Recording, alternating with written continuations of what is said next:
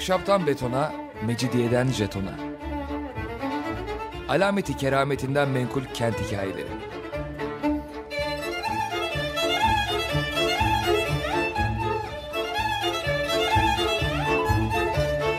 Hazırlayan ve sunan Pınar Erkan.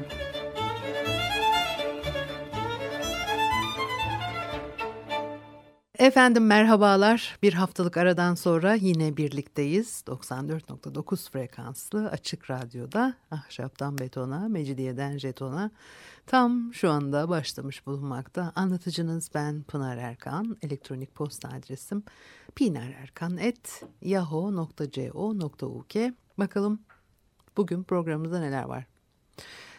Yıllar önce yapılmış bir araştırma vardı. Karadeniz projesi. Nuh'un tufanından önce e, Karadeniz'in içinde var olmuş olduğu düşünülen yerleşim birimlerini ortaya çıkarmaya çalışıyorlardı. Karadeniz'in dibi niye karaymış, e, eskiden de deniz miymiş, işte e, Gılgamış destanı, e, Diyojen'in doğduğu rivayet edilen Sinop filan.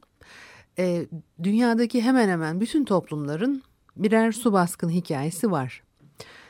Su baskınından hallice bir vaziyet söz konusu tabii ki de e, hikayeler değişebiliyorsa da özü aynı. Bir grup insan dışında herkesi boğar e, korkunç bir tufan.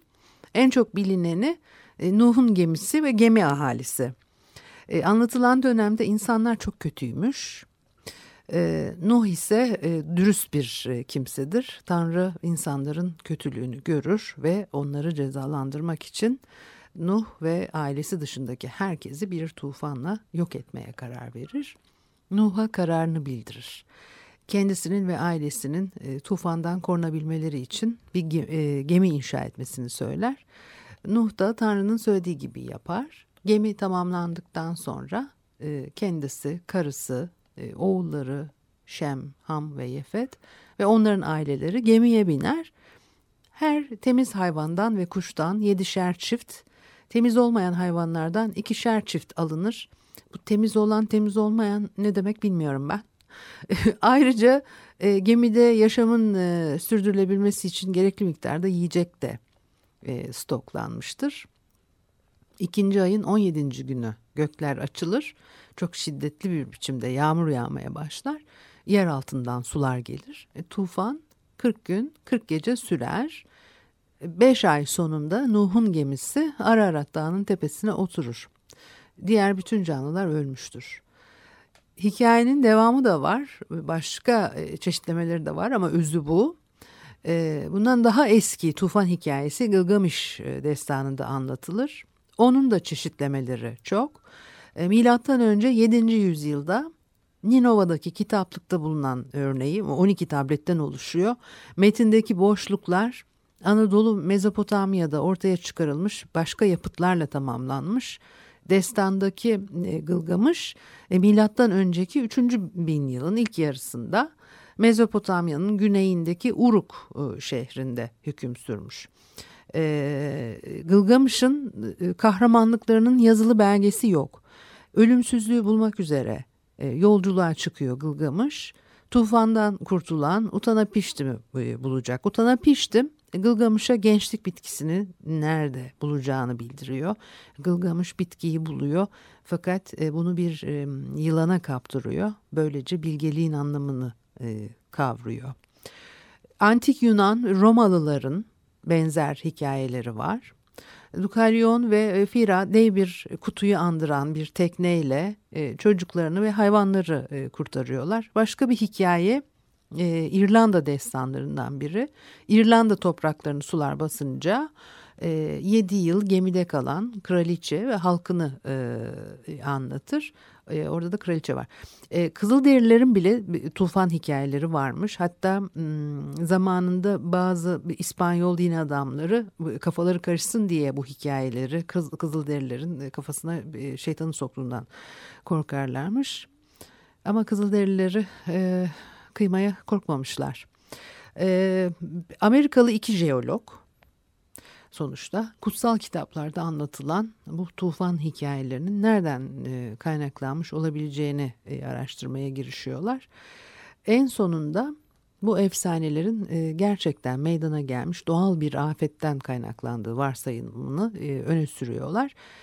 1990'ların hmm, sonlarında bir e, kitap yayınladılar Nuh Tufanı.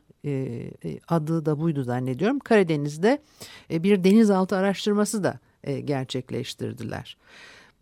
Karadeniz binlerce yıl önce bugün günden farklıymış. O zamanlar yüz ölçümü şimdikinin üçte ikisi kadarmış. Ve bir tatlı su gölüymüş e, burası. Akdeniz'le bağlantısı yok. E, Neolitik çağ diye adlandırılan dönemde kurak bir e, bölgede bir vaha olarak değerlendiriliyor. Neolitik çağda işte bundan 10 bin ila 12 bin yıl kadar öncesi o dönemler. 12 bin yıl kadar önce son buzul çağı sona eriyor ve yeryüzü ısınmaya başlıyor. Kuzey yarım kürede eriyor buzullar ve haliyle deniz suyu seviyesini yükseltiyorlar. Yaklaşık 7 bin yıl önce Akdeniz'deki su Karadeniz'e akmak için Boğaziçi Vadisi'nde bir yarık oluşturuyor. Karadeniz'in suyu tatlı, Akdeniz'den gelen su ise tuzlu. Dolayısıyla daha ağır olduğu için dibe çöküyor Akdeniz'in suyu. Ee, Karadeniz'de öyle okyanuslarda açık denizlerde olduğu gibi ısı değişikliklerinden kaynaklanan su sirkülasyonunda yok. E, bu nedenle havadaki oksijen Karadeniz'in e, dibine ulaşamıyor. Burada hidrojen sülfür denen ölümcül bir gaz meydana geliyor ve işte yaşamda zaten öyle yok olmuş. Akdeniz'den gelen su bugün İstanbul Boğazı dediğimiz yarığı Niagara şelalesinin 200 katı bir kuvvetle aşmış. İki deniz dengeleninceye kadar da tuzlu su tatlı sudan meydana gelmiş o Karadeniz gölünü dolduruyor. Önce hafif bir akıntı e, şeklindeyken sonra yüzey e, tabakalarına altındaki e, kayalara dayanıncaya kadar e, daha hızlı akmaya başlıyor. Aylarca devam ediyor bu. Ve e, hesaplara göre her gün e, 15 santim yükselmiş Karadeniz. Düşünebiliyor musunuz? Kıyıdaki yerleşim alanları sular altında kalıyor büyük bir hızla. İşte bu su felaketinden korkunç derecede etkilenen e, yaşamayı başarabilmiş insanlar kuşaktan kuşağa aktarıyor başlarına gelendir ve günümüze Nuh'un öyküsü olarak ulaşılıyor. E, teori bu şekilde geliştirilmiş. E, ardından bunun gerçekliğini kanıtlamak üzere araştırmalara başlıyorlar. Derin deniz araştırmacıları e, e, varsayımlar geliştiriyor. Karadeniz'in dibinde bozulmamış gemi enkazları bulunduğu bu varsayımlardan bir tanesi. Yani e, öyle olması lazım zaten eğer e, bu e, doğruysa e, teoriler. Oksijensiz ortamlarda e, organik maddeleri yiyen ahşap kurtları, yumuşakçalar gibi canlılar yaşamıyor. Haliyle oksijen yoksa yaşam da yok. E, bu durumda teorik olarak Karadeniz açıklarında batmış gemilerin enkazları, gövdeleri, direkleri ve hatta e, taşıdıkları yüklerini bozulmamış olması gerekir. Bascom'un bu teorisi uzun yıllar öyle kalmış. Sığ sularda tüplü dalışlar yapan arkeologlar var tabii. Antik ticaret yollarını kullanan gemiler karanın görüldüğü uzaklık çizgisinden e, yolculuk ediyorlar. Fakat e, tabii ki açık denizden yol alan e, ticari gemiler de olmalıydı. Deniz suyu katmanlardan oluşuyor. Yüzeye en yakın oksijenli katman. Sonra yükselip alçalan bir e, karma katman var. Onun altında da oksijensiz katman var. Karadeniz'de e, oksijensiz katman suyun e, 200 metre altından başlıyor.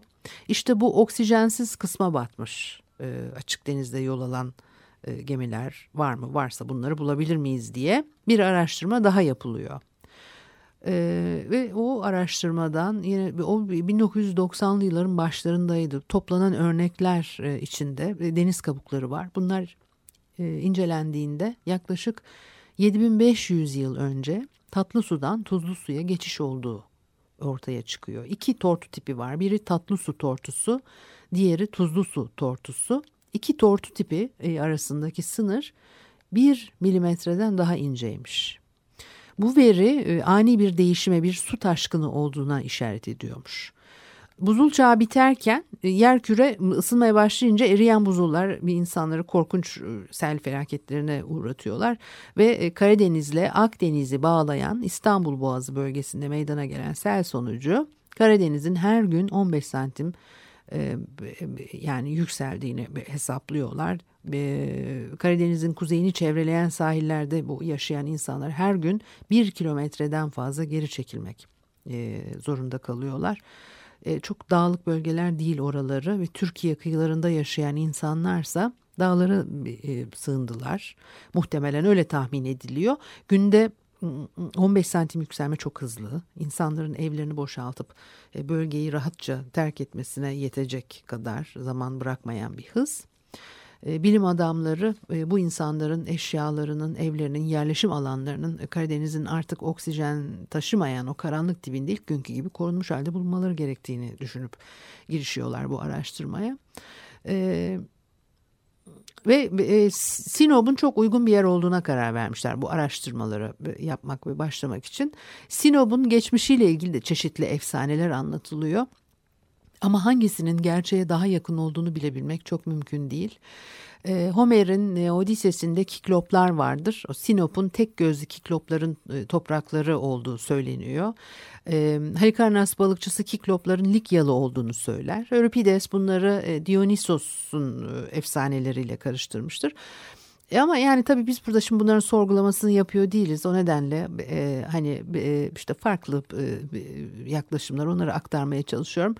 Avrupalılar kendi uygarlıklarının kökünü arıyorlar ve e, Mora Yarımadası'nın Anadolu'ya bakan tarafında milattan önce 16. yüzyılda yapılmış duvarlar buluyorlar. Kiklop örgüsü denir mimarlıkta da. E, kocaman taşlarla araya harç konulmadan örülen duvarlar bunlar. Bu tip duvarlar e, e, Hitit başkenti Hattuşaş'ta, yani Boğazköy'de, İzmir, Truva ve Anadolu'nun başka yerlerinde de karşımıza çıkıyor. Kikloplar e, Mora'ya e, Likya'dan gelmişler. E, kiklos daire demek. E, opsun karşılığı ise göz. Efsaneye göre kiklopların alınlarının ortasında da tek gözü varmış. Bir müzik arası verelim ondan sonra devam edelim.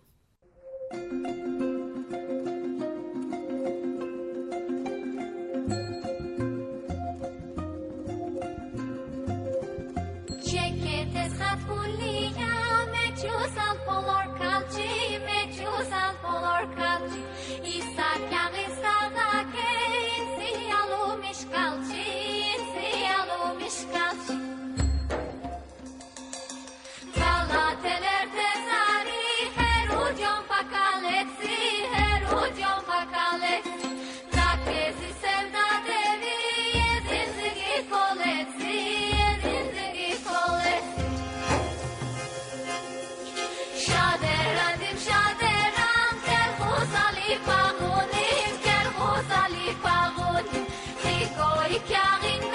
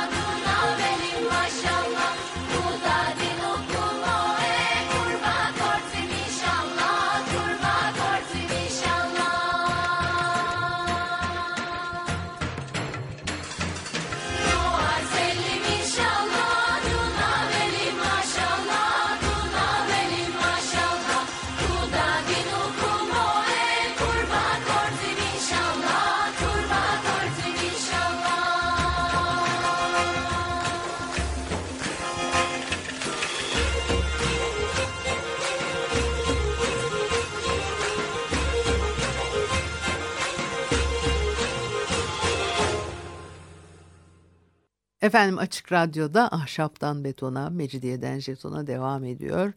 O Karadeniz'in oksijensiz derinliklerinde işte Nuh tufanı ve o dönem e, civarında varsa bir yerleşim bölgesi onlarla ilgili bir veri var mı? Bunları böyle birazcık size aktarmak istedim. Gerçi epey oldu bu araştırmalar yapılalı ama e, çok ilginç şeyler bunlar.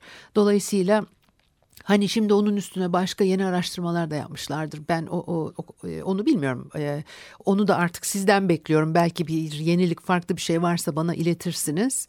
Ee, ama hani e, o Sinop'tan bahsettik, Kikloplardan bahsettik. O bilgileri bir parça daha e, sizle paylaşmaya devam edeyim. Şimdi, milattan önce 8. yüzyılda Sinop'ta bir, e, bir Yunan kolonisi kuruluyor. Hmm, e, bunun doğruluğunu kanıtlayacak o kadar eski tarihlere uzanan belge yok. Buna karşılık 7. yüzyılda Ege kıyılarından gelen erken Yunan kolonilerinin e, Sinop'ta bir ticari liman kurduğu biliniyor. E, milletin Karadeniz'deki ilk e, kolonisiymiş Sinop.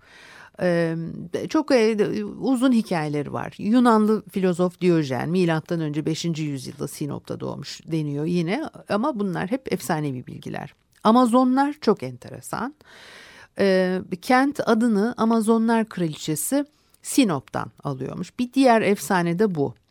Amazonların e, Anadolu için önemi büyük. İzmir'in, Efes'in ve Anadolu kıyılarındaki daha birkaç kentin onlar tarafından kurulduğu gibi iddialar da vardı. Hatta İzmir, Efes, Mirina, Girinium, e, Kime e, sözcüklerinin de bu kentleri kuran Amazonların adları olduğu e, söylenirdi ve Amazonlar Anadolu'da yaşamış işte savaşçı kadınlar son derece güçlü kuvvetli ve cesur kadınlarmış. Platon ve Sokrat Amazonların Yunanistan ve hatta Atina'ya akın ettiklerinin kesin bir gerçek olduğunu iddia ediyorlar. Bu büyük insanlar milattan önce 4. yüzyılda yaşadı.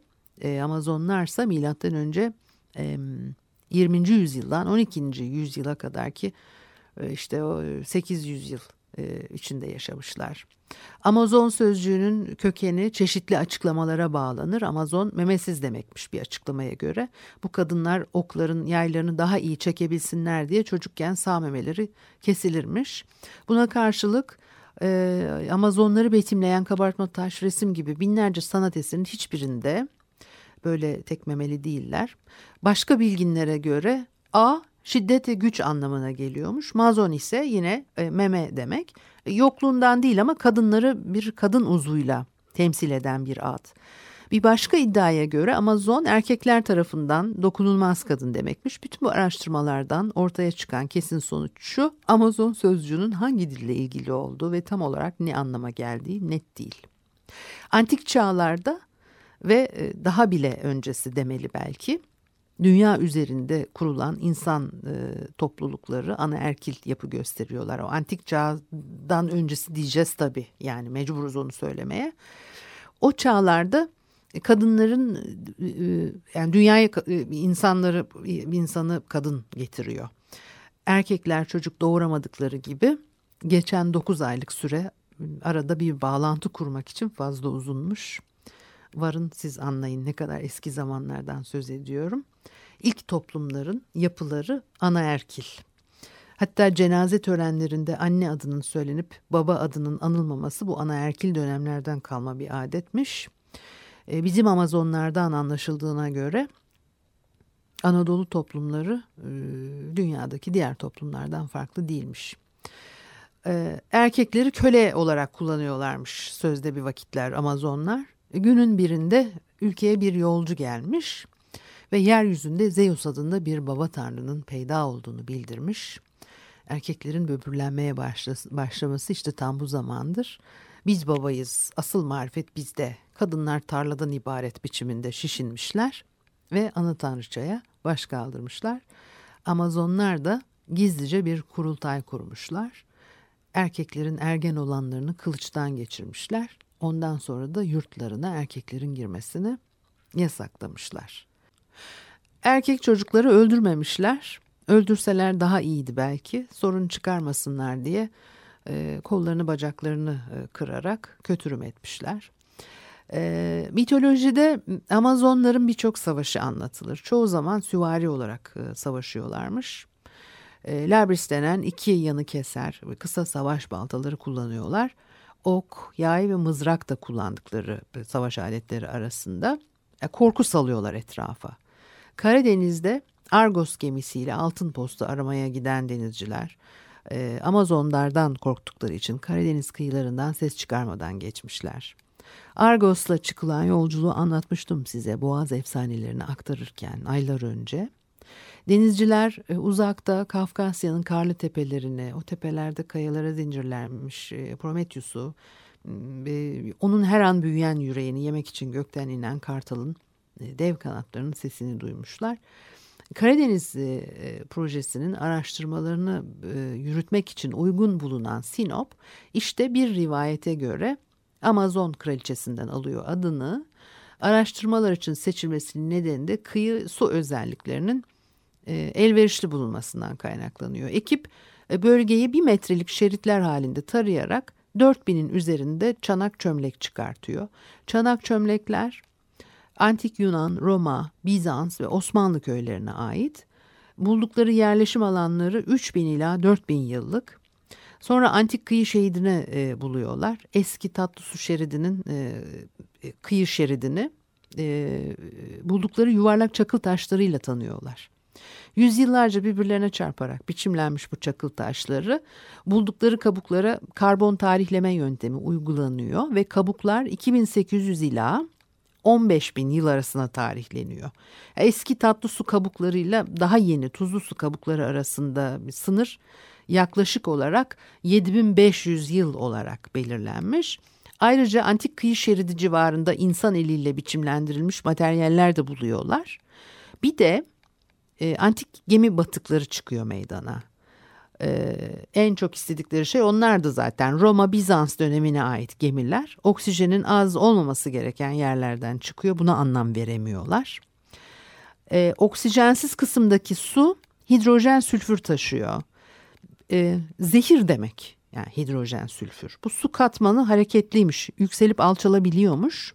O nedenle kimi zaman balıkçılar e, balıkçıların ağlarından e, ölü çıkıyormuş. Ağlar denizden kapkara çıkıyormuş.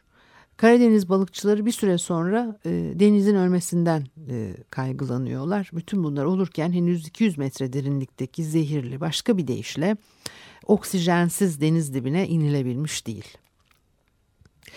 Ee, ana gemiye fiber optik bir kabloyla bağlı uzaktan kumanda edilebilen araçlar kullanılıyor oksijensiz kısmın taranmasında. İnsan yok o araçların içinde. E, araştırma gezileri bitimine iki gün kala 300 metre derinlikte bir gemi enkazı buluyorlar bu uzaktan kumandalı araçlarla. O geminin hiçbir metal aksamı yokmuş. Yani yelken bezi bile yokmuş. Çok fakir veya çok eski bir kültüre ait olduğunu düşünüyorlar. Ee, 15 metre uzunluğunda el yapımı bir gemi bu. E, oksijen barındırmayan e, zehirli suların içinde daha e, dün yapılmışçasına e, yepyeni duruyormuş. Geç Roma ya da erken Bizans dönemine e, tarihliyorlar. Milattan sonra 410 ila 520 yıllarında bir yerde duruyor bu ahşap gemi. 1500 e, yıllık bir ahşap gemi. Antik devirlerden kalma e, bu kadar iyi durumda bir batık görülmemiş e, daha önce. E, taşıdığı yükler de bozulmadan korunmuş. Sel baskını olmadan önce Karadeniz e, tatlı su dolu bir göl idi ve içinde ahşaba zarar verecek canlılar yaşamıyordu. Başka batıklar buldular mı sonra ne oldu? E, onu e, e bilmiyorum ama. Bugünlük de bu kadarmış. Elektronik posta adresimi söyleyeyim. pinarerkan.yahoo.co.uk Önümüzdeki hafta görüşene kadar hoşçakalınız.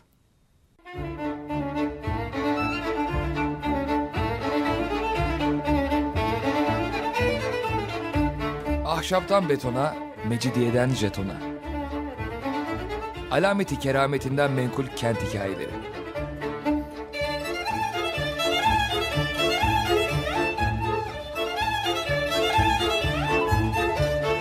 Hazırlayan ve sunan Pınar Erkan.